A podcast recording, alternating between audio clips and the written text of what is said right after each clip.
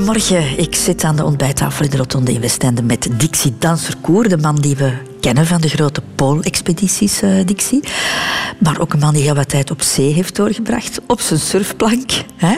Daar gaan we het straks over hebben. Maar de zee, dat is jouw habitat. Jij bent geboren aan zee. Ja, ik heb het uh, grote privilege genoten om de wereld te zien in Niepoort. Uh, met rasechte West-Vlamingen als ouders. En ja, dan zit dat echt wel gebakken in, in mijn ziel, hè, die, hier, die zee en alles uh, er op en er rond. Dus ja, een heel sterke band met de zee. En Westende ook? Westende, absoluut. Hier ook gewerkt bij de bakker? Ja, absoluut. Alles uh, wat hier te vinden is, uh, heb ik waarschijnlijk gedaan. Alle hoekjes, kantjes van Endezee en het hinterland ken ik op duimpje. Dus ja. jij zit hier compleet op je plaats. Van harte welkom, Dixie. Dankjewel, Christel. Radio 2. De Rotonde met Christel van Dijk. De Poolreiziger Dixie Danserkoor, daar ontbijt ik vandaag mee. Dixie, wij gaan de keuzes die je op de Rotonde van jouw leven hebt genomen gaan die even in kaart brengen. Je bent soms uh, maanden van huis, een omgeving waar je eigenlijk op jezelf aangewezen bent, uh, Dixie. Alleen met je gedachten ook vaak, denk ik. Veel tijd om na te denken. Dat is het grootste privilege van de expedities, hè. Die uh, zee van tijd en uh, reflectie. En dat doe je echt ja. zo? Over jouw leven nadenken, over de beslissingen ook die je genomen hebt? Ja, voornamelijk over het verleden. En ik ben dan een beetje een nostalgische ziel zo. En ik kan uh, echt wel genieten van, van reflecties en, en uh, het, het, het, bedanken van het lot of wat er mij is overkomen. Want het is allemaal goed geweest. Het is allemaal goed geweest? Eigenlijk wel, ja. ja. Ik zou er melancholisch van worden, denk ik. Zo in een tentje, in wel, de sneeuw. Alleen? Ja, ja, ja, je hebt het misschien aan het rechte eind. Hè, want um, zoals je het waarschijnlijk kent, zoal dat poolreizen is toch wel een, een, heel zwaar beroep. En als je lichaam helemaal is uitgeput, maar dan ook helemaal leeggepeigerd, dan kan je niet meer volgen met je brein. En dan word je overmand door emoties. En dat, daar heb ik nog geen verweer voor. Daar, uh... en, en wat voor emoties dan? Uh... Ja, gewoon uh, wat wat schuldgevoel ten opzichte van het thuisfront, van zo lang weg te zijn. Het tekort aan aandacht voor de ouders soms wel eens. Hè. Dat is me wel eens een aantal keren overko overkomen. En met Stef Bos heb ik daar lang over gesproken, omdat hij dan zo'n mooi liedje heeft gemaakt van uh, papa. Zo, zo, van die zaken, dat overkomt je. Ja. Mm. Je bent niet meer de sterkste daar op dat ijs. We gaan vandaag ook heel veel uh, achteruit kijken, Dixie. Dus alle beslissingen eens even bekijken die je uh, genomen hebt. Maar we gaan eerst jouw Wikipedia-pagina aanpakken. Oei. Op het internet krijgen we nu dit over jou te lezen. Dixie Dirk, danserkoor Nieuwpoort 12 juli 1962, is een Vlaams poolreiziger. Hij ondernam reeds meerdere expedities naar Antarctica en het Hoge Noorden. Klopt allemaal, maar je bent niet altijd poolreiziger geweest, Dixie. Uh, je bent ook niet altijd bekend geweest. Misschien wel in Linden en omgeving. Maar daar komen in deze Wikipedia-pagina niks over te weten. Dus Han Koeken die heeft wat opzoekingswerk gedaan. Dixie Dirk Dansekoor is geboren te Nieuwpoort tijdens een vakantie aan zee op 12 juli 1962 en getogen te Leuven. Mama Arlette is heel eerlijk over vakantiebaby Dirk. Bij de geboorte was dat eigenlijk een lelijk kind. Zo, je had krolletjes en zo'n decor. Ik zeg, god nee, wat een lelijk kindje is dat. Maar zus Christian kan bevestigen dat lelijke kinderen vaak mooie volwassenen worden. Alle vlinden liep plat voor hem, denk ik. Ja, ja. Dirk was heel actief en levendig en één hobby kiezen was niet aan hem besteed. Hij wou alles doen, vertelt zus Christian. Die was echt niet veel thuis, hè, dus... Maar zoveel op zijn, op zijn programma dat hij altijd, altijd na school weg was was het geen sport, dan was het muziek, dan was het de scouts. Allee, het was altijd iets. En zich suf surfen met vriend Yves van der Motte hoorde er ook bij. Wij, ja, we gingen altijd eh, redelijk radicaal surfen, maar we zaten echt van s morgens tot s avonds op het water. En dan, uh, we hebben ook zelf samen onze eerste windsurfplanken gebouwd, bij mij thuis op de zolder. En dan gingen we die proberen. Als Dirk dan al eens thuis was, zocht hij andere manieren om zich te amuseren, weet zus Christian. Ik speelde met de Barbies, maar dan gebeurde er natuurlijk altijd van alles met die Barbies. Of hij smeet ze naar beneden en dan, ja, dan was het oorlog, hè. Want ik was dan heel zorgzaam om die poppetjes en hij vond dat dom, denk ik. Dirk was duidelijk geen afgelikte Barbieboy. En dat liet hij ook merken in zijn uiterlijk, tot ontevredenheid van mama Arlette. En hij had lang haar, een oorring en een gescheurde broek. En dat langharig werkschuwtuig hield vooral van één ding: reizen. Hij wendde alle mogelijke middelen aan om weg te geraken, vertelt mama Arlet. Op een dag kwamen hier aan de bel twee deftige meneren. En eh ah, dag meneer, kom binnen. En eh, ja, uw zoon heeft zijn aanvraag gedaan voor AFS. Wij vielen uit de lucht. En zo belandde Dirk in Amerika. En in Amerika kunnen ze het woord Dirk niet uitspreken. En dat was Dirk, Dirk. En hij vond dat zo lelijk. En ze hebben hem Dixie genoemd. Dixie was geboren en de eeuwige reiziger ook. Bij zijn terugkeer uit Amerika gebeurde er iets hilarisch, herinnert zijn zus zich. De dag, iedereen, heel de familie benieuwd en hij gaat terug naar huis komen. En de dag daarna zegt hij, ah ja, ik vertrek vanavond met mijn maat, Guy, naar Spanje met de motto. En hij was terug weg. En zo geschiedde. De avontuurlijke ooievaar vertrok weer en zou blijven vertrekken. Naar nieuwe uitdagingen, naar extreme hoogtes en temperaturen. Ons vakantiekind zou voor altijd op vakantie gaan. En de rest is history. Voilà, een stukje jeugd. Mooi, hè? Ja, geen, dank aan de lieve familie en ja, Yves. ja, geen fijn. zittend gat, dat is duidelijk. Ja, dat is, dat is eh, gegroeid. Hè. Ik denk dat het uit grote nieuwsgierigheid is dat ik eh, zo wat alle hoeken van de wereld heb bewandeld. En dat heeft me, ja, it served me well. Ik denk dat daar de basis ligt van het eh avonturiergeweld of de, de, de zin naar ontdekking. Als dat nog kan deze dagen. Dat je moet eh, durven en een stukje het bekende achterlaten en heel nieuwsgierig de wereld tegemoet gaan. Voor jouw ouders moet dat toch compleet ja, iets vreemds geweest zijn, want jouw zus, die ouder is, was compleet jouw tegenpool. Correct. Ja, ik denk dat zij dat eh, een beetje ondergaan hebben. Eh, Het was altijd een beetje wringen en trekken en sleuren voor mij om, om dat erdoor te krijgen. Het, ik was dus helemaal op mijn eentje om dat te bekostigen, om dat te bedenken, om, om alles eh, Ja. te structureren in die En jouw richting. ouders waren absoluut niet eh, op, op die manier nieuwsgierig naar, naar de dingen. Niet in die mate, nee. Ze, ze waren wel van het type dat graag reist, hè, op vakantie gaan en genieten. Dat zat er wel diep, diep in. eh, en dat hebben we allemaal samen nog kunnen doen. En dan van, ja, laten we zeggen, die 16, 17 jaar en eh, jeugdgeweld bij mij, ja, dan ben ik zo'n beetje on- zeer onafhankelijk geworden. De Rotonde. Radio 2. Radio 2. Dixie Dansverkoer, grote poolreiziger. Ik vind het een mooi woord, ik ga het nog heel vaak gebruiken. Denk ik. Dat klinkt zo avontuurlijk. Er zijn heel wat dingen in het leven waar we zelf over kunnen beslissen, maar ja, een aantal dingen, eh, of een aantal beslissingen wordt voor ons genomen. Hè. Geboren worden en, en de plek waar wij geboren worden.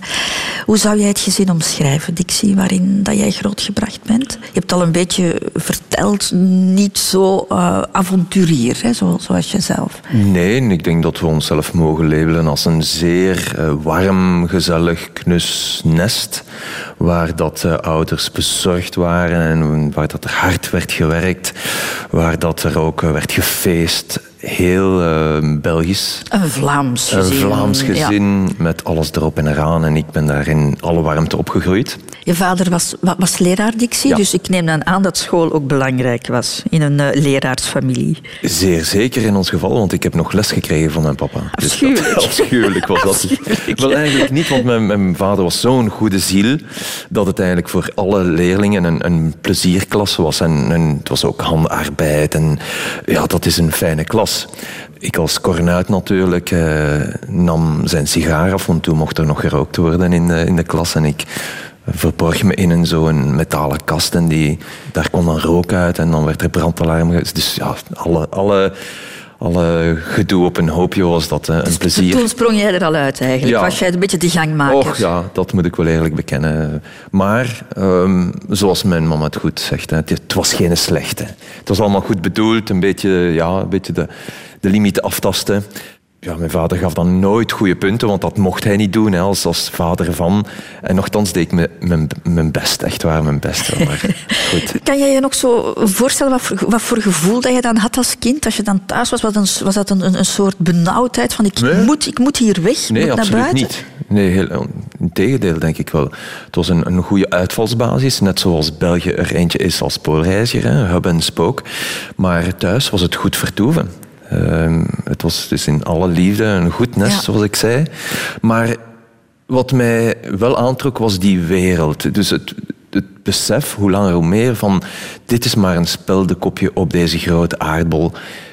Dit kan het toch niet zijn. Ik moet gaan zoeken. Ja. Ik moest het met mijn eigen ogen en mijn oren gaan ontdekken. Maar voor je dat kon doen, hè, voor je oud genoeg was om, om, om de wereld te gaan verkennen, moest jij je te veel aan energie toch ergens anders ventileren. En dat was dan toch, denk ik, sporten? Sport, absoluut. Ik denk dat ik zo ongeveer allemaal heb gedaan. Het ging van judo als kleine snuit, uh, Brabants kampioenschappen, uh, Belgische kampioenschappen. Dus oh, ik had de smaak te pakken. En dan uh, tennis, volleybal, zwemmen, turnen. en ik kan me voorstellen dat sporten bij jou niet gewoon zomaar wat sporten is. Nee, het allerbeste van jezelf geven. Ja, ja. En ik was niet altijd de beste hoor. Maar in het lopen, in het veldlopen bij Daring Club Leuven was dat. Hè, de, de welgekende club van een... Ah, dan hebben wij misschien elkaar ooit daar nog ontmoet. Ik was Kijk, daar ook lid. Ja. En dan had ik het privilege om uh, zondagsmorgens met Poleunis te gaan lopen, omdat dat ook een inwoner van Linde was. Dus ja, dat was mijn god. En uh, die man ja, die ging naar het Olympische Spelen en ik kon gewoon zij aan zij met hem lopen. En jij wilde hem volgen uiteraard, ja, ja, niet ja. opgeven. Ja, en, en dat... dat uh, dat lukte nog vrij goed, want voor hem was dat maar een beetje een, een zachte training. Ja. Maar ik heb het altijd voor heroes gehad. De mensen die van vlees en bloed waren, die enorm ongelooflijke dingen doen, nog steeds. En die wou ik dan uh, simuleren. En ik wist, ja, als zij dat kunnen en zij hebben ook maar twee handen en twee voeten, dan kan ik dat ook. Ja. Dat was mijn stimulans en Ja, mijn en- incentive. Uh, het windsurfen was toch wel gedurende twintig jaar een van mijn grote passies. Het muziek maken, spelen, beluisteren, nog altijd. Ehm, het triathlonnen was, was ook wel een... een Er zit toch behoorlijk- iets van onrust in jou, hè, Dixie? Ik denk het niet. Het is me gewoon smijten in een richting van grote nieuwsgierigheid, passie en streverij. Ik ben ambitieus, ik ken jezelf. Ehm, het was geen onrust. Het leven biedt zoveel mooie dingen dat ik ze eigenlijk allemaal op mijn boterham wil smeren. En hoe stonden jouw ouders ten opzichte van jouw dadendrang? Laten doen, laten doen. En eh, een beetje in goede banen leiden, toch wel. Maar eh, laat hem maar zijn ding doen.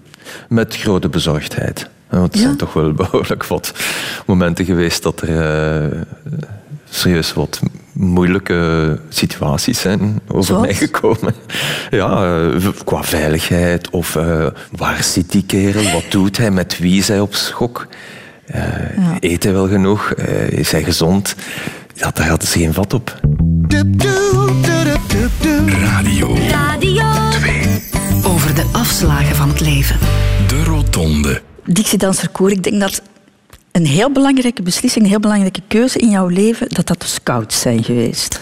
Ja, absoluut. Ik denk dat Ja, daar eh, zo dat eh, zoeken naar avontuur, het, eh, ja, ook je mannetje staan en, en jezelf een beetje sterk houden ten opzichte van medescout of eh, af en toe word je daar ook wel eens met de beste bedoelingen weggepest en zo van die zaken, dat, daar moest je wel in je mannetje staan, ja. En hoe oud was je toen? Vijf of zes jaar, dus heel vroeg. Eh, we gingen naar Luxemburg op kamp en eh, daar zijn nog een aantal foto's van. En ja, ik heb daar heel goede herinneringen aan. Het was ook de federatie voor open scoutisme. Hè, dus je moet goed weten dat mijn, mijn ouders toch wel eh, echt wel liberalen waren. En in Linde was dat zo wat... ja, dat was één kamp van de, de katholieke scouts en de andere kant waren de liberale scouts. Ondanks het... eh, zwaar ingebakken deeltje katholicisme in ons gezin. Was dat zo wel? Mijn ouders die ja, voor de, vrijheid waren. En Daar heb ik mijn vrijheid gevonden. En scouts, ja, dat vertegenwoordigt toch ook in die bossen. Hè, dat heeft toch wel heel wat betekend. Zo rondrossen in die bossen en kampen bouwen. En dat bracht toch wel iets teweeg, vind ik, als, als kind. Je ondergaat dat niet, je beleeft dat. En net dat beleven was belangrijk. Dus tv kijken was eigenlijk niet mijn ding.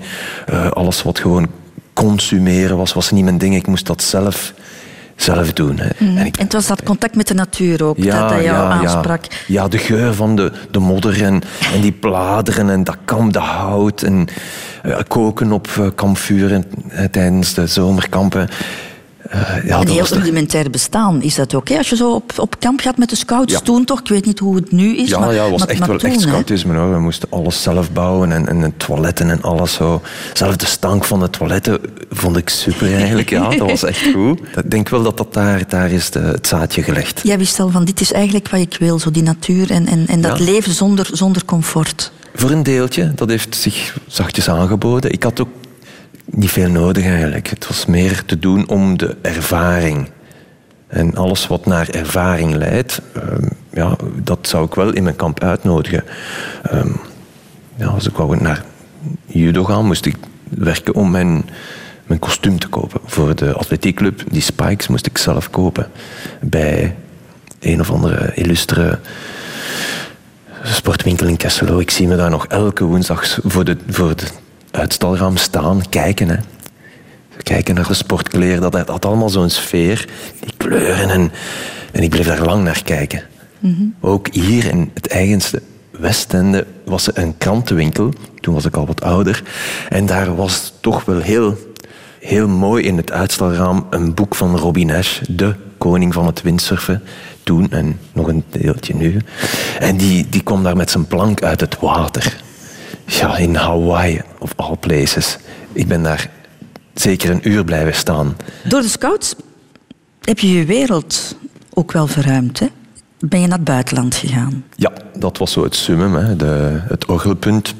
De Jamboree in Ierland. Dat was een lange reis met een beperkt aantal eh, van mijn collega-scouts. Maar een belevenis als geen andere. hè. Dus nog een beetje zo het zomerkamp in crescendo. In, in het uitvergrote kamp van allerlei nationaliteiten en eh, uitwisselingen en het talenprobleem en communicaties die met de handen moesten gebeuren. Dat was toch al een beetje... Heb je daar geleerd, zo de wereld is groter dan, dan mijn dorp? Zeer zeker, ja. En dat is- is zodanig goed meegevallen. eh, Dat het naar, ja, het smaakt altijd naar meer als het goed is. Hè.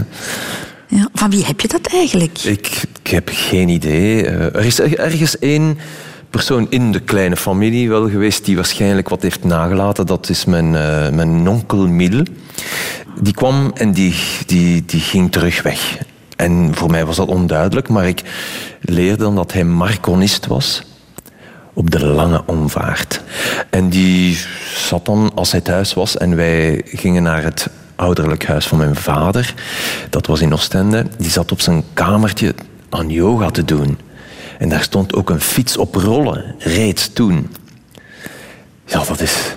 Dat had ik nog nooit gezien. Hè. Dus die man die vertegenwoordigde zo de wereld en alles wat raar was. En natuurlijk had dat een extra aantrekkingskracht op mij. Dus je was niet de enige rare snuiter in... eh, Nee, nee. En zo de de emoties, als we hem in Antwerpen gingen afzetten met zijn, met zijn lief toen, die, die, die vrouw was daar aan het wenen. En dan die man die wegging, ja, dat afscheid was toch wel intens zo.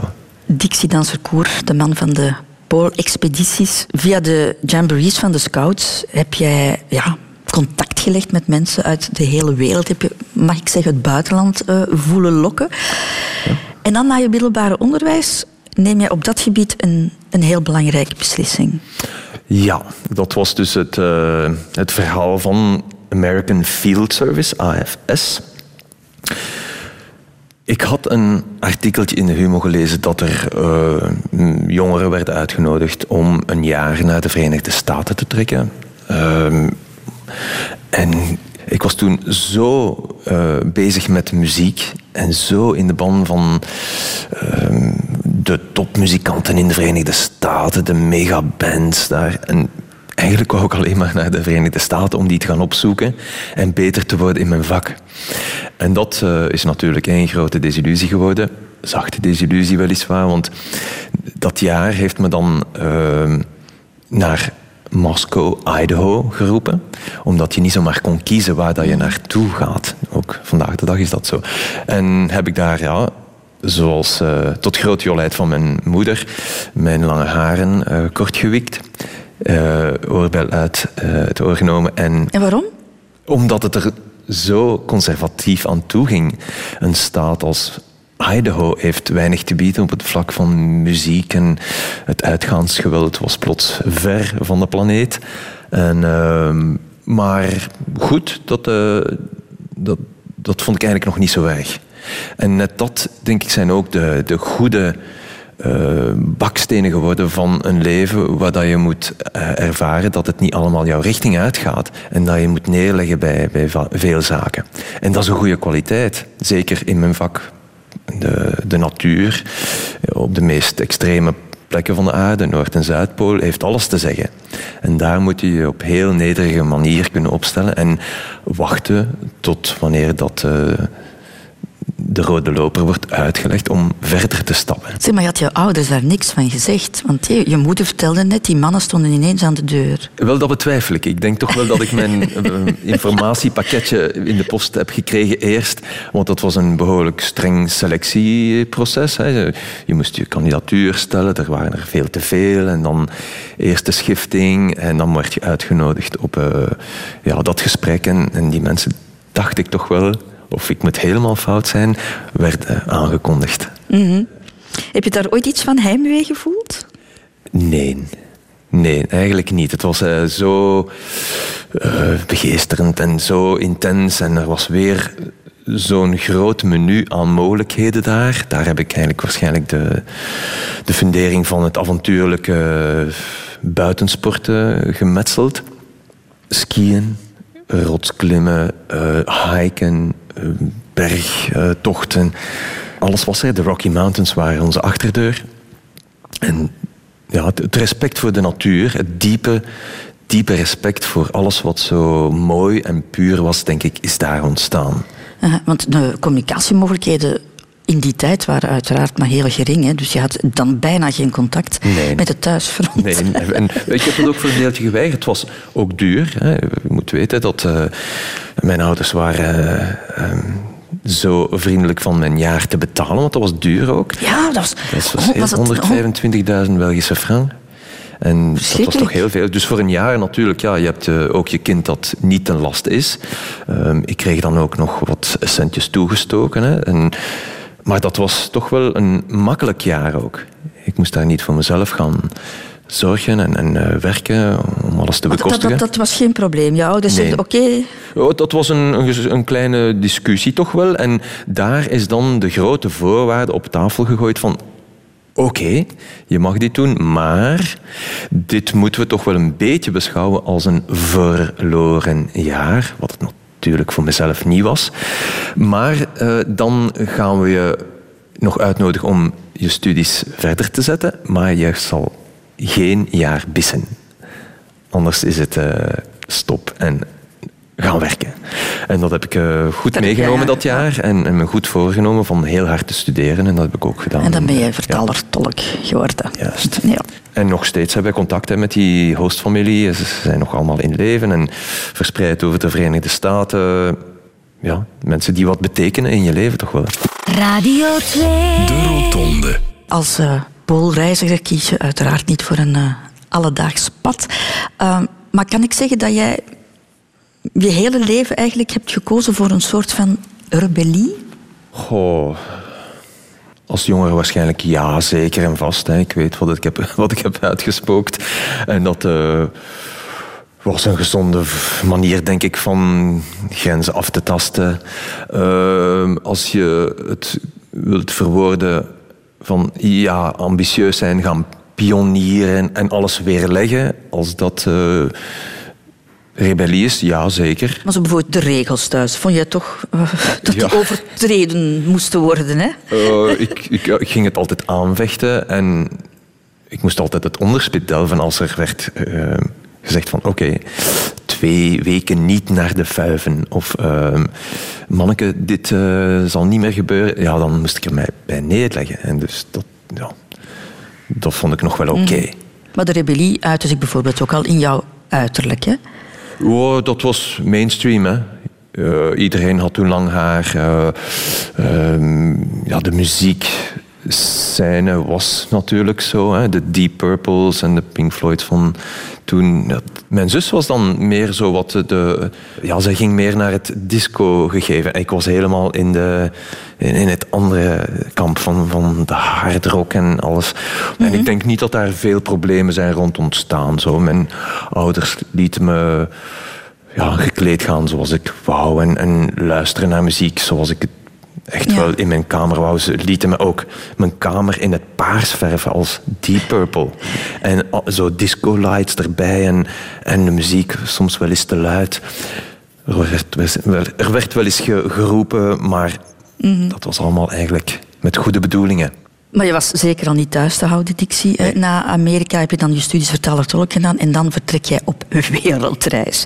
Ja. En dan ga je naar Hawaii, omdat je dan ook weer de beste wil zijn in windsurfen. Ja, ik wist dat dat eh, een conditie sine qua non was om, om de beste trachten te worden, of tenminste te gaan snuisteren in die hogere regionen. Wat is dat daar? Hoe, hoe voelt dat aan om op zo'n golf van 10, 20 meter te gaan windsurfen en, en dat geweld van die brekende golf over je te krijgen? Ja, dat moet toch wel intens zijn, dat kan niet anders. Eh, nu, dat komt allemaal met een prijs, hè? en dat, dat is dan werken de centen uit de zak halen om dat dan te bekostigen. Bij McDonald's, avond na avond, frieten en hamburgers gaan bakken.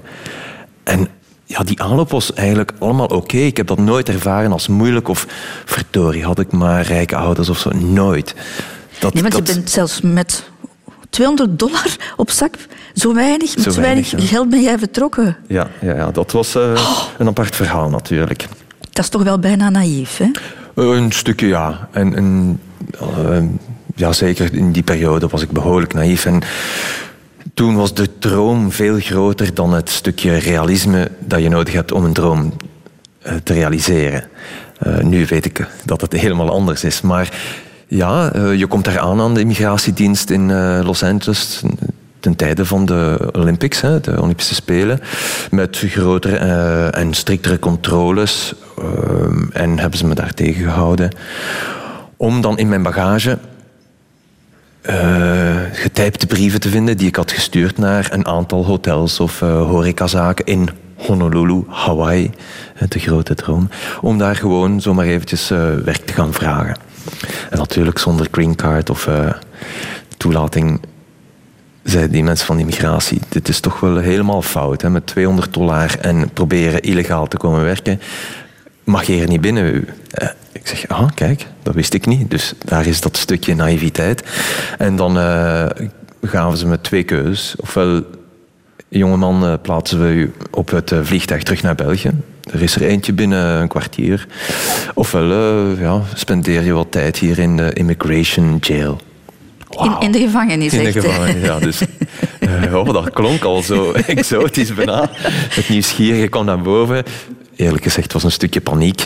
Ehm, maar ik koos toch maar voor het tweede, want mijn... Anders Voor de ging- gevangenis? Ja, ja, anders was mijn droom helemaal aan dingen. liggen. Dus oké, en daar heb ik dan eh, mijn mannetje moeten staan. En met de one-liners als I have the right to one phone call, ik mag één telefoontje doen, ehm, ben ik er dan sowieso uitgeraakt, en et cetera, et cetera, et cetera.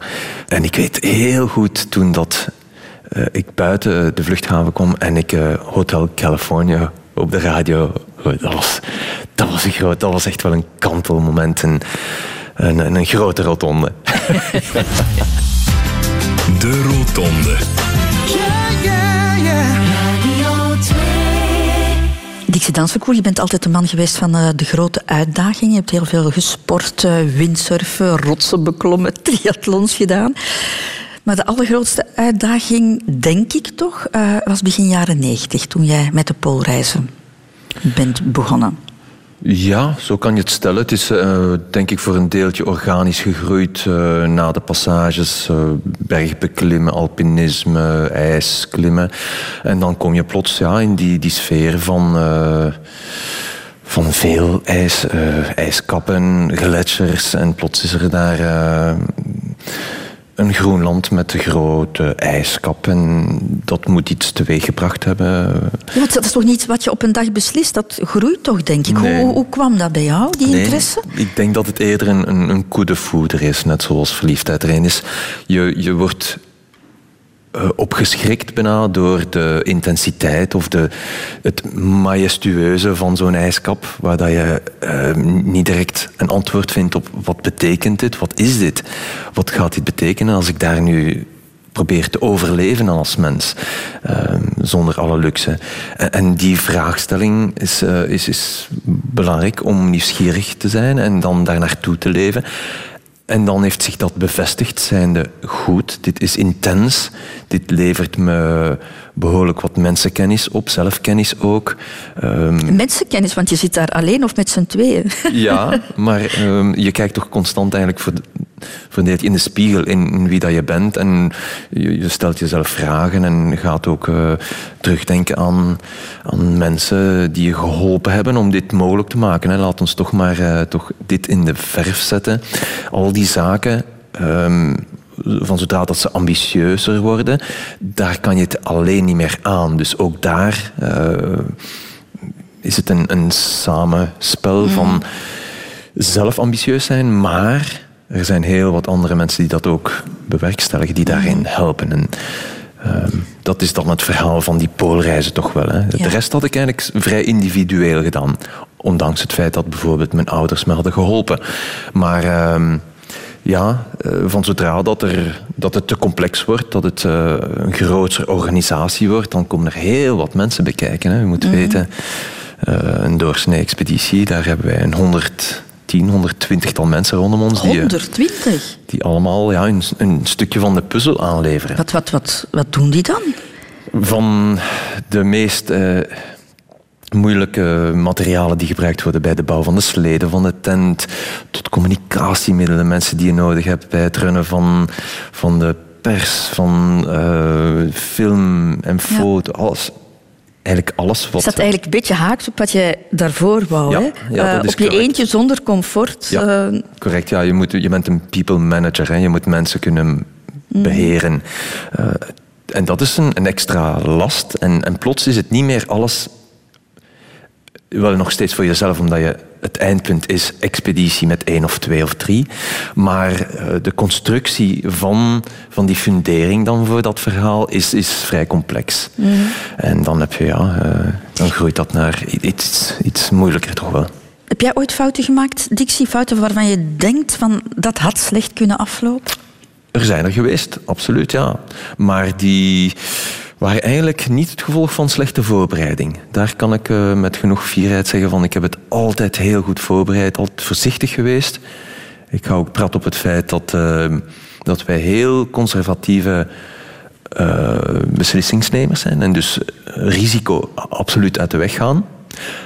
Als je op de Everest aan het klimmen bent en er komt een lawine naar beneden en, en je zit als een muis in de, in de val omdat je niet weg kan lopen, ja, dan is het een of ander. Uh, een van de vele goden op deze aarde die dan toch maar een passage over de kravassen heeft ge getoond en dat we mm. op dat moment kunnen wegvluchten zijn. Als je door het ijs gaat op de Noordpool en je kan nog terug naar de kant zwemmen zonder dat je aan hypothermie gaat uh, je, je leven moet inboeten. Zeg jij zwemmen? Dat was zo het geval vroeger, ja. Toen hadden we nog geen droogbakken, maar moesten we zwemmen om terug uit dat water te kluiten. En...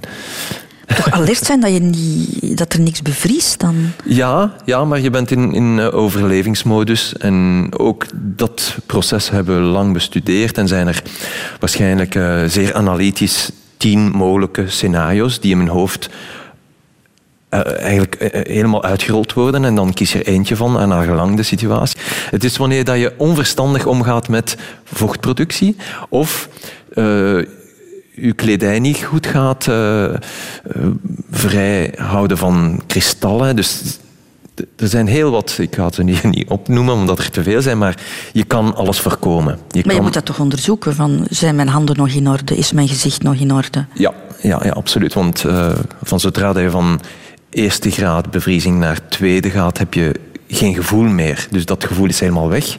En dan is het, de gevarenzone is natuurlijk 30 graden en dan volgt er amputatie. Maar gelukkig heb ik dat nog nooit uh, meegemaakt en ik wil het ook nooit meemaken. Dat zou een blamage zijn voor mijn zogezegde status als professionele poolreiziger. Zijn er ook momenten van verveling, Dixie? Uh, nee. Eigenlijk niet. Ik uh, probeer altijd met mijn zaak bezig te zijn. Natuurlijk heb je daar honderd plus dagen dat je op dat ijs altijd hetzelfde doet. En, en je zou denken dat het heel eentonig is. Maar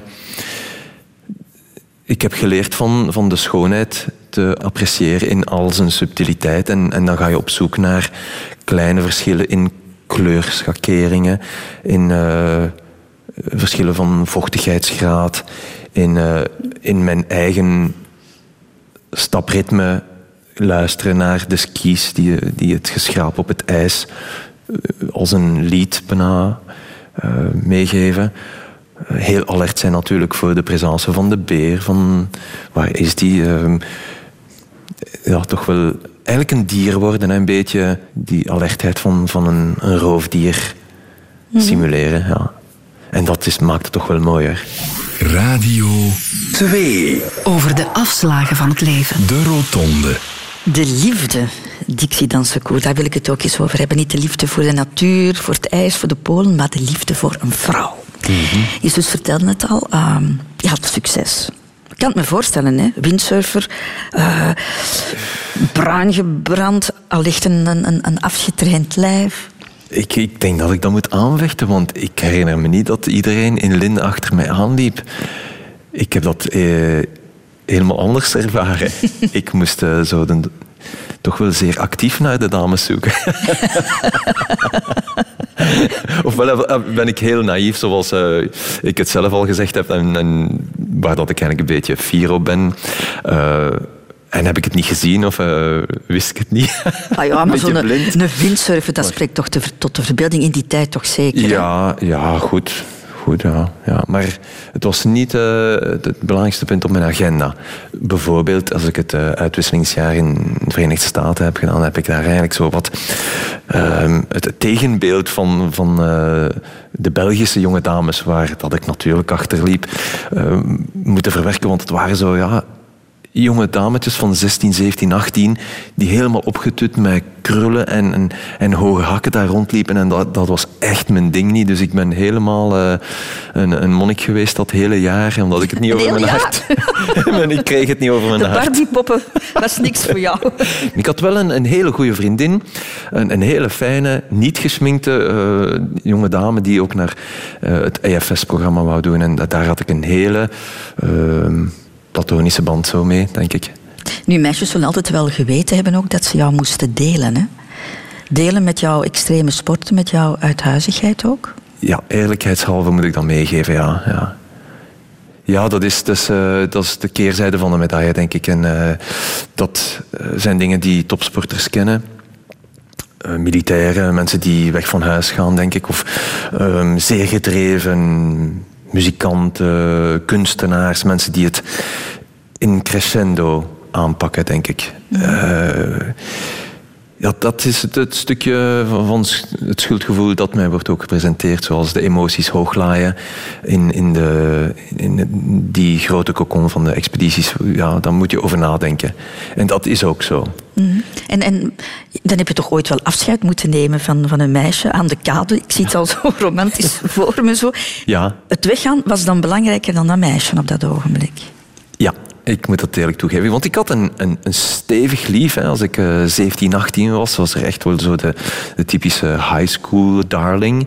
Um, en wij hadden een echte heuse verliefdheid. En, en ja, dat is heel raar. Het is goed dat je die vraag stelt. En, en dat reizen was voor mij belangrijker dan, dan die vriendin. Um, is dat goed? Is dat fout van mij? Ik, weet het, ik weet het eigenlijk niet. Na, maar je hebt dus afscheid van haar ja, genomen. Ja, en ik weet nog heel goed. Um, er was dan iemand anders die in de rij stond te wachten. En ik, toen liet die vriendin mij ook een cassetje horen zo, met het, uh, het liedje Don't fall in love with a dreamer. Ik zeg, ben ik nu zo'n een, een dromer? En is dat slecht? En heeft die, mijn concurrent nu het aan het rechte eind? Is, is dromen slecht? Of, en, maar ik heb er bij mij neergelegd. Ja. Heb jij ooit gedacht, met mijn karakter, met mijn uh, expansiedrang, kan ik maar beter geen relatie beginnen? Wel, dat heeft... Uh, ja, misschien is dat wel hier en daar uh, ingefluisterd van... Ja, dit zijn toch wel engagementen. En ehm, achteraf bekeken is dat een, een zeer moeilijke evenwichtsoefening toch wel. Ja. Ehm, ik ben blij dat ik het nu kan combineren en dat ik een, een pracht van een vrouw heb die niet alleen eh, mijn vak kent, eh, die er ook mee eh, is in opgenomen. En, en die, ja, die, die, die dat Mhm. helemaal kan aanvaarden. En dat is natuurlijk een voorrecht. Want je bent voor haar, ben je met iemand anders getrouwd geweest. Ja. Met, met haar heb je ook drie kinderen. Ja, met jouw eerste vrouw. Absoluut. Dat was na... Dus toen wilde je het wel proberen. Ja, ik had zo, dat waarschijnlijk zo'n heel typisch eh, standaard idee van... Nu hebben we de wereld ontdekt en bereisd en ik heb het gehad. Het was heel mooi. Laten we nu een normale job als steward bij Sabena, nota bene. 13 jaar eh coffee, tea or me. En huisje, tuintje, hondje, kindjes. En eh, ja, dat is, eh, dat, is, dat, is, dat is een heel ander leven, maar eh, toen was Sabena nog het mekka van reizen en dat was een mooie transitie van, van al dat eh, reisgeweld rond de wereld en dan toch nog kunnen reizen naar Afrika, nieuwe bestemmingen, avonturen. Dus ik heb me nooit beperkt gevoeld. Nooit, Nee, heb je nooit gedacht van, Nee. ik, ik mis wel iets, want ik zit hier nu met, met drie kleine Nee. kinderen. En, Nee, en- eigenlijk niet. En huis moet afbetaald worden. Nee, absoluut niet. Eh, dat was eigenlijk een, een afslag. Dat was een behoorlijk afslag. Hè. Maar ik heb het nooit als, als negatief ervaren. Nee. Maar kan je zeggen dat die eerste relatie eh, stuk gelopen is door, door, ehm, ja, door jouw dromen? Nee, nee, ik denk het niet. Hè. En ik denk dat, dat het eh, nu geen... je zou moeten de twee partijen erbij uitnodigen om dan het andere verhaal te houden, want het is geen eerlijke manier hè, om, een relatie die uiteindelijk is stuk gelopen eh, te gaan disseceren. Maar het is gewoon een, een pure vorm van twee personen die niet goed bij elkaar passen. En dan ben je je nieuwe vrouw tegengekomen. Ja. Eh, Jolie, een Amerikaanse, ook een, een stewardess. En die al meteen afscheid van jou moest nemen. Van Dat bij was- de eerste ontmoeting, als het ware. Ja, zo stond het in de sterren geschreven, letterlijk dan, want de hele organisatie van de South Through the Pole expeditie was in kannen en kruiken al eh, twee jaar voorbereiding en, en dat, ja, dat ging ervan komen. Eh, twee maanden was eigenlijk de, de laatste sprint naar het vertrek toe. En dan krijg je daar zo iets op je bord, eh, een nieuwe relatie, een nieuwe ja, diepe, diepe verliefdheid. Ja, is dat gezond voor, noem het toch maar, een topsport waar dat je moet als een racepaard aan het vertrek van, van je race staan. Maar we hebben dat eh, heel goed opgevat. Want hoe lang ging het toen weg? Eh, dat was eh, vier maanden op dat ijs, ja. Ehm, ook nooit kunnen telefoneren, net zoals in Idaho, met eh, die vodjes als brieven. Eén keer gebeld naar mijn ouders, heb ik ook maar één keer gebeld naar Julie op het einde, bij de aankomst, na die honderd dagen op dat ijs. Veel te vertellen natuurlijk. Ehm, nieuw leven, nieuwe start. Radio Over de afslagen van het leven. De Rotonde. Dixie Dansecourt, de, de Poolreiziger. Je hebt vier kinderen. Hè, drie bij je eerste vrouw en dan nog eh, een dochter bij, bij, bij Julie, bij jouw tweede vrouw. Een grote ecologische voetstap, Dixie, vier kinderen. Correct, absoluut. En Dat is een grap, ik zeg maar, omdat je, jij bent heel bezorgd eh, om het milieu, de toename van de wereldbevolking. Zeer zeker. Ja, nee, dit, dit is een van de, van de niet perfecte zaken die ik met... Ik geef dat grif toe en ik, als ik eh, aan public speaking doe, hè, voordrachten of andere keynotes, eh, kom ik daar heel eerlijk mee naar voren. Dat, dat dit, sommige dingen ja, zijn gewoon gebeurd en daar moet je het mee stellen. De enige manier om er iets aan te doen is vandaag de dag beslissen, dit kan ik betekenen voor de natuur. Maar je hebt het eh, aan het rechte eind. Dat is eh, eh, buiten proportie. maar tegelijkertijd... Gelukkig dat ze er zijn toch ook, hè? Ja, ja, ja, ja, ja absoluut. De lange tafels, zo, de, de, dat zijn toch ook wel ideeën zo van familie, eh, samen zijn, kinderen. Het is, het is, eh, dat is toch wel heel mooi. Ja. Waren kinderen van meet af aan een onderdeel in jouw levensplan? Ja, ik denk dat ik me niet compleet zou gevoeld hebben als er geen kinderen waren geweest. Absoluut. Ehm, ja, we zijn hier op deze aarde om te procreëren. Dat maakt ook deel uit van het niet afsterven van de mensheid. Dus ja, goed, dat is geen abnormaal iets. Hè. Eh, de intensiteit van, van jezelf te gaan voortplanten, dat, dat is toch wel wat. Hè?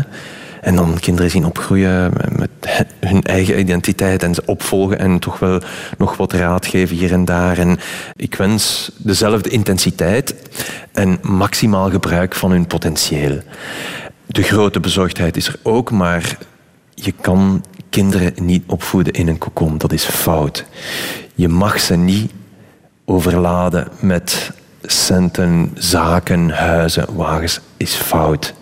Ze moeten streven, want ze gaan veel meer respect hebben voor, voor alles, als het moet materiële zijn of alles wat je rondom gaat creëren. Het is gewoon een vorm van streven en appreciatie. Ja, ik denk niet dat het makkelijk is om een kind van jou te zijn. ja. Een papa die zoveel bereikt heeft, die, die, die zoveel doelen stelt. En, nee, eh, dat klopt. Maar ik heb ze nooit uh, zo belerend uh, in een hoekje geduwd van en gezult. zachtjes heb ik al mijn wijsheid neergeschreven in al die boeken. En elk van de kinderen heeft nu ondertussen twee van die grote bakken vol met boeken. En als ze zin hebben, lezen ze maar. Af en toe, en, en Julie is daar ook zeer goed in, gaan we ze toch wel wat meegeven wat belangrijk is voor hen als volwassenen ondertussen. En voor de rest zijn ze nog niet op expeditie geweest. Dus ik moet dat ook niet per se zien gebeuren. Mm. Zou leuk zijn, natuurlijk. Ja. Ehm, je hebt dan nog een, een, een dochter met, eh, met jouw tweede vrouw, hè? Met, met Julie, jouw dochter uh, Robin. Een van de meest vreemde bevallingsverhalen die ik ooit gehoord heb. Wat was dat? Ja, wat was dat? Eh, we waren ook weer uh, waarschijnlijk een stukje naïef geweest in, uh, in onze amoureuze activiteiten. En want ik ging weer op expeditie in 2002. Een heel ambitieus plan om de Arctische Oceaan over te steken. Van Siberië naar de Pool, naar Canada. En goed, dat plots hebben we het nieuws vernomen dat er een kindje op weg was. En we hebben daar eens goed mee gelachen. En, dat was eigenlijk niet gepland? Eigenlijk niet, hè, anders zou je dat niet doen. Want ik, ik heb eigenlijk uh, ja, uh, de andere drie kinderen zien geboren worden. En, en ook dat was heel intens natuurlijk. En, maar goed, dat zijn, je hebt niet alles onder controle. En voor ons was dat perfect oké. En, ja, maar, maar, vertel het verhaal. Ja, wat is er gebeurd? Ik ben vertrokken. En, uh, ja, je moest wel vertrekken, want dat was gepland. Ja, ja, ja, ja, uh, Judy was hoogzwanger, medium tot hoogzwanger. En dan uiteindelijk uh, is Robin ter wereld gekomen als ik nog op dat ijs was. En tien dagen later was ik terug thuis. Maar het, de belevenis van, van de bevalling was vrij extraordinair.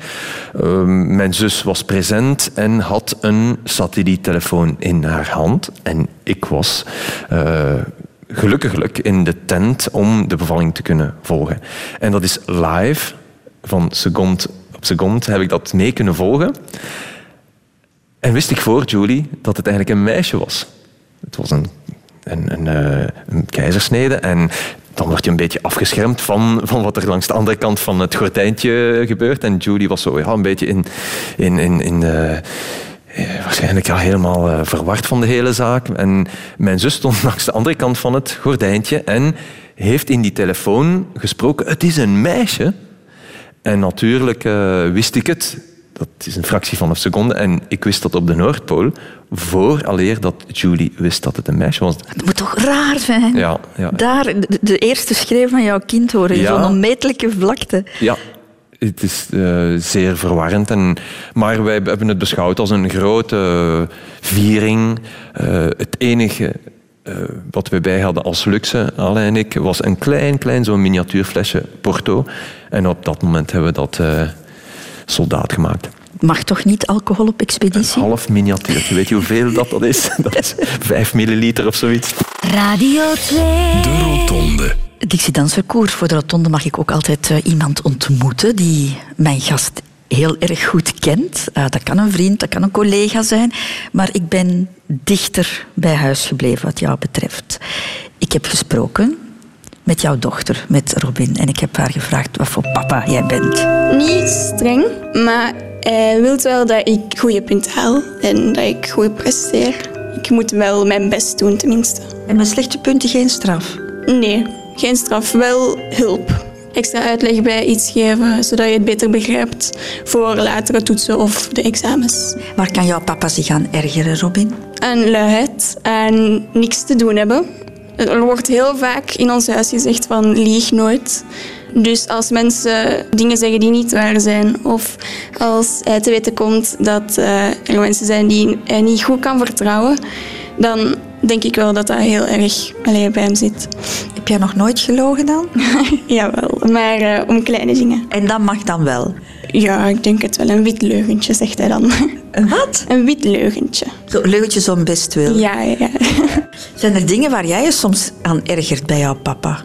Hij kan soms ook wel heel doordringig zijn en willen dat je altijd doordoet, zoals ja, altijd iets mee bezig zijn. En hij kan ook heel uh, vastberaden zijn.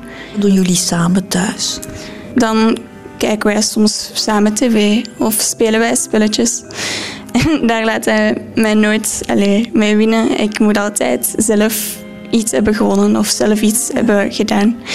Wij praten ook heel vaak over gewoon wat er of, in mijn dag is gebeurd of uitgebreide dingen zoals wat ik later zou willen doen. Of soms ook wat, wat ik vind van zijn werk en wat, wat, ik vind dat hij zo lang weg blijft. Heeft jouw vader bepaalde gewoontes, Robin? Uh, ja, hij staat elke ochtend heel vroeg op als de zon opkomt. Dus ja, dat is irritant, maar ook wel mooi. Als ik jou zo hoor, Robin, is jouw vader wel een aanwezige man in huis, hè? Ja, ja, ja. Het wordt uh, heel stil als hij er niet is. Wat is het eerste dat hij doet als hij thuis komt? Dingen met mij en mijn mama doen. Uh, omdat hij ons zogezegd heeft gemist. en dat is altijd wel leuk. Jij bent moeten ontsnappen nu natuurlijk, om dit gesprekje te doen. Ja, uh, we hebben hem verteld dat ik uh, naar een medisch onderzoek moest gaan, dat mijn mama mee moest komen om mij te begeleiden. en ik denk dat hij geen idee heeft dat er helemaal iets anders aan het gebeuren is. Maar ik denk wel dat hij het een leuke verrassing zal vinden als hij het te weten komt. Dat zal hij dan een, een witte leugen noemen, zoals jullie dat noemen, een white lie, hè, zoals in het Engels. Ja. Dixie Dansecour, een medisch onderzoek op woensdagnamiddag. Bij mijn weten gebeurt dat nooit. Want dat is opgenomen op een woensdagnamiddag. Ja, vandaag de dag kan alles, hè. Christel. Wist je het echt niet? Nee, nee, nee, nee. nee. Want het was heel moeilijk om de afspraak te regelen. Uh, in die zin, um, Julie vertelde me, um, als jij thuis bent, dan ben je altijd in de buurt. Dat is dan een soort van compensatie of zo, dat je dan eigenlijk zo dicht mogelijk bij dat gezinnetje wil, wil blijven? Ik denk dat dat ook terecht is. Hè. Ja, als ik uh, op café zou gaan en uh, elke woensdag en zaterdag naar de voetbal en dan nog eens met de vrienden zou uitgaan en dan nog eens naar uh, weet ik veel wat. Mm -hmm. Nee, dan denk ik toch wel dat je een beetje je schade moet inhalen. Ja. Bij jou is het thuis is thuis en weg is weg. Waarschijnlijk, ja. En, en, ik weet ook dat ik de zaken zeer analytisch bekijk, organiseer. Ik moet dat ook zo doen. En misschien uh, is dat uh, thuis dan net iets te veel. Hè. Ik, ik, ik, ja, ik, ik, zie het graag allemaal uh, netjes in kastjes. Mm -hmm. het stukje van mijn perfectionisme dat absoluut uh, deel uitmaakt van poolreizen, expedities. Want als je daar een één klein steekje laat vallen, dan heb je het zitten. Dus het moet echt wel uh, altijd op scherp. Mis je thuisfront als je weg bent? Zeer zeker, absoluut. Toch, ja. Ja, ja dat is een van de moeilijkste zaken. Uh, ja, daar, daar kan je niet omheen. En dat is goed teken. Net zoals we de kinderen ook aanleren dat gemis oké okay is. Want dat is een emotie die zij waarschijnlijk ook moeten ontwikkelen om later daarmee geconfronteerd te worden. Weerom uh, een beetje kritiek op die te belangrijke cocon die wij aanbieden. Uh, het is oké okay van, van wat triest te zijn, van uh, mensen te missen. Dat is alleen maar goed teken. Mm. En het zal het weerzien nog eens zo intens maken. Wordt het gemis erger of meer met het ouder worden? Ik kan me nou wel voorstellen als je jong bent dat je gemakkelijker de dingen kan, kan achterlaten met ouder te worden, dat je toch meer. Ja. Ja, zo, nee, ik heb het zo niet ervaren. Nee? Ik heb net zoveel uh, emoties moeten kunnen verwerken. Zo, en en uh, altijd dat stukje schuldgevoel van... Verdorie, nu ben ik hier toch weer weg. En uh, goed, het maakt deel uit van de zaak. Ik denk... vraag aan grote CEO's hoe dat zij hun liefdes- of gezinsleven bekijken, ja, dat is ook misschien met een stukje kritiek. Of, uh, je, mm -hmm. Het is niet allemaal perfectie. Hè. Dat, dat mogen we niet nastreven, want dat is de realiteit niet. Je kunt het alleen maar zo goed mogelijk trachten te doen. De allerlaatste afslag, Dixie Dansecourt. En welke natuurelementen jij ook al mag bedwongen hebben. Hier ga je toch de duimen voor moeten leggen. De dood. Niet makkelijk, denk ik, voor een man die alle obstakels wil overwinnen. Nee, en toch ehm, denk ik dat ik ehm, er klaar voor ben, nu reeds. Eh, Nu reeds? absoluut. 54? Ja, reeds tien jaar geleden heb ik eh, geclaimd dat, ja, dat ik eh, zoveel mooie dingen heb mogen beleven dat het ja, te veel van het goede zou zijn als ik op diezelfde manier nog eens zoveel zou willen, wensen. Dus eh, het, het is al zeer, zeer, zeer, zeer, zeer mooi geweest. En ik ben een heel tevreden iemand. En die dood is, is, maakt integraal deel uit van het leven. Dus moet je ook aanvaarden. Ehm, wij werken hard aan een gezond leven, Julie en ik, en onze kinderen ook. Dus wij wensen van nog heel lang te mogen leven. Dus dat, daar gaat het niet om. Maar ehm, je hebt het leven niet in handen. Hè? Dus als het uit de lucht zou vallen, van dat, dat zwaard van Damocles op mij zou vallen en eh, Pietje de dood mij zal roepen, dan ga ik eh, gehoorzamen als geen ander, denk ik. Ja. Als het maar geen aftakelen wordt misschien. Ja, dat is, dat is niet nodig. Dat eh, hebben wij ook al eigenlijk geanticipeerd en duidelijk neergeschreven en ergens in een hokje geplaatst van welke situaties eh, zullen leiden tot eh, een beëindigen van het leven als Ah, ja. het moet. Ja. Daar hebben jullie al over nagedacht. Om onszelf en de familie te behoeden van onnodige eh, druk en zorg. Dus heel, heel duidelijk, eh, weerom analytisch. Ja, kostenbaten. Nee, ja, eigenlijk wel.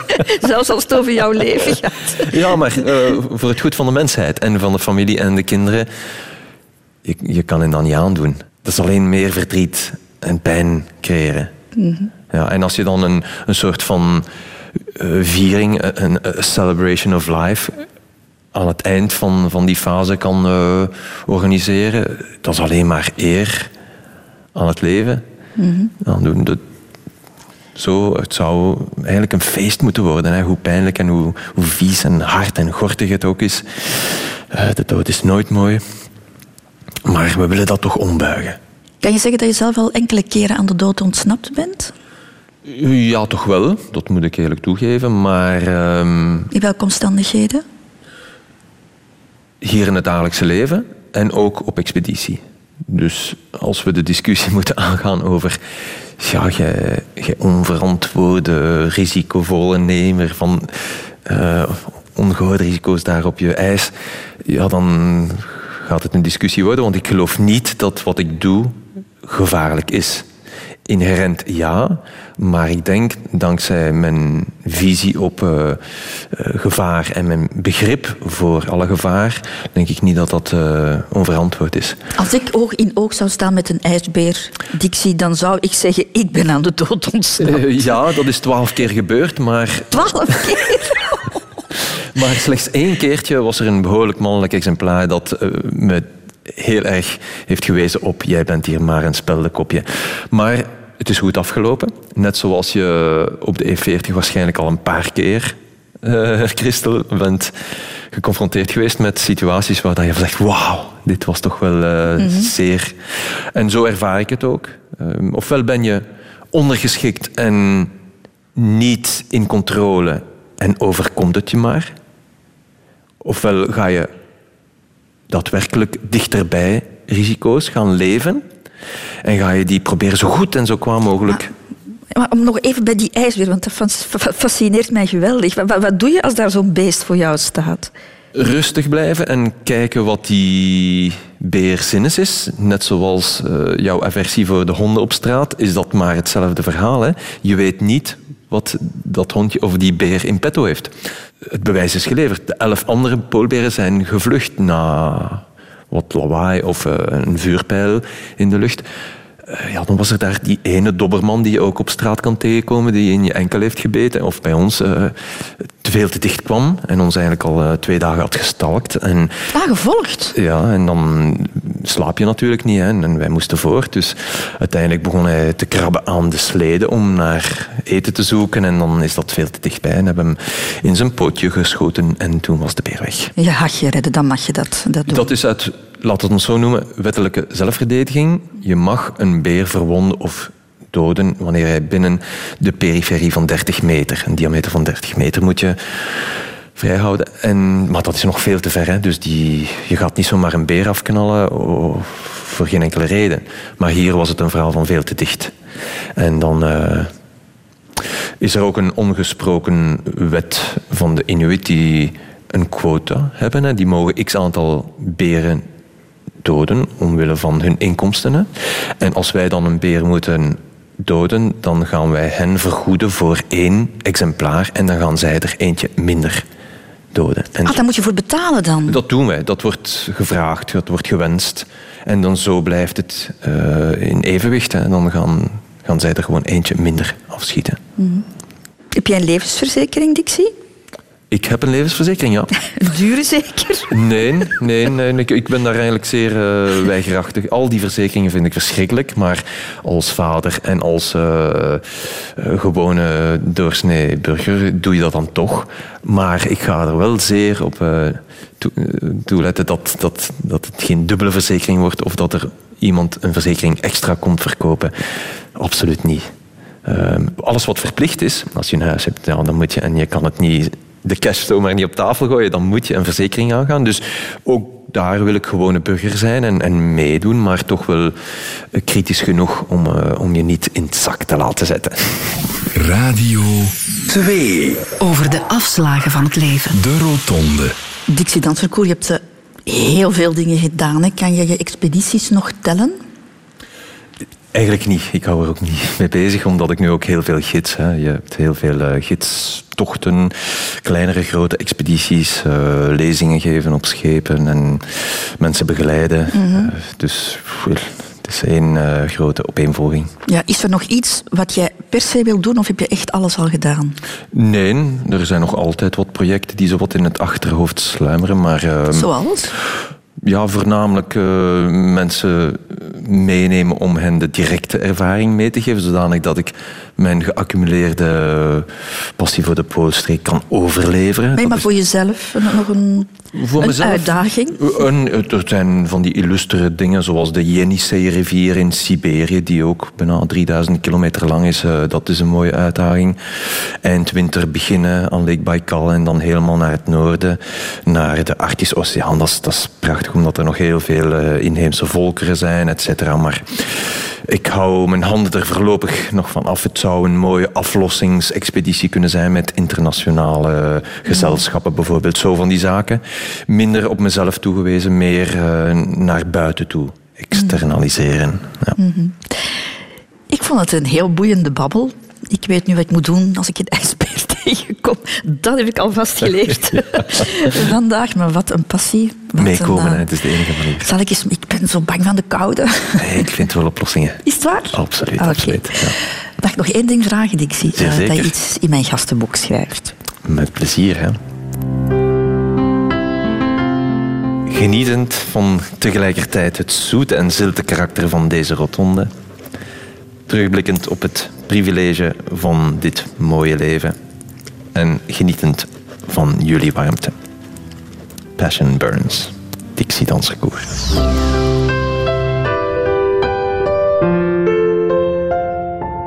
Radio 2.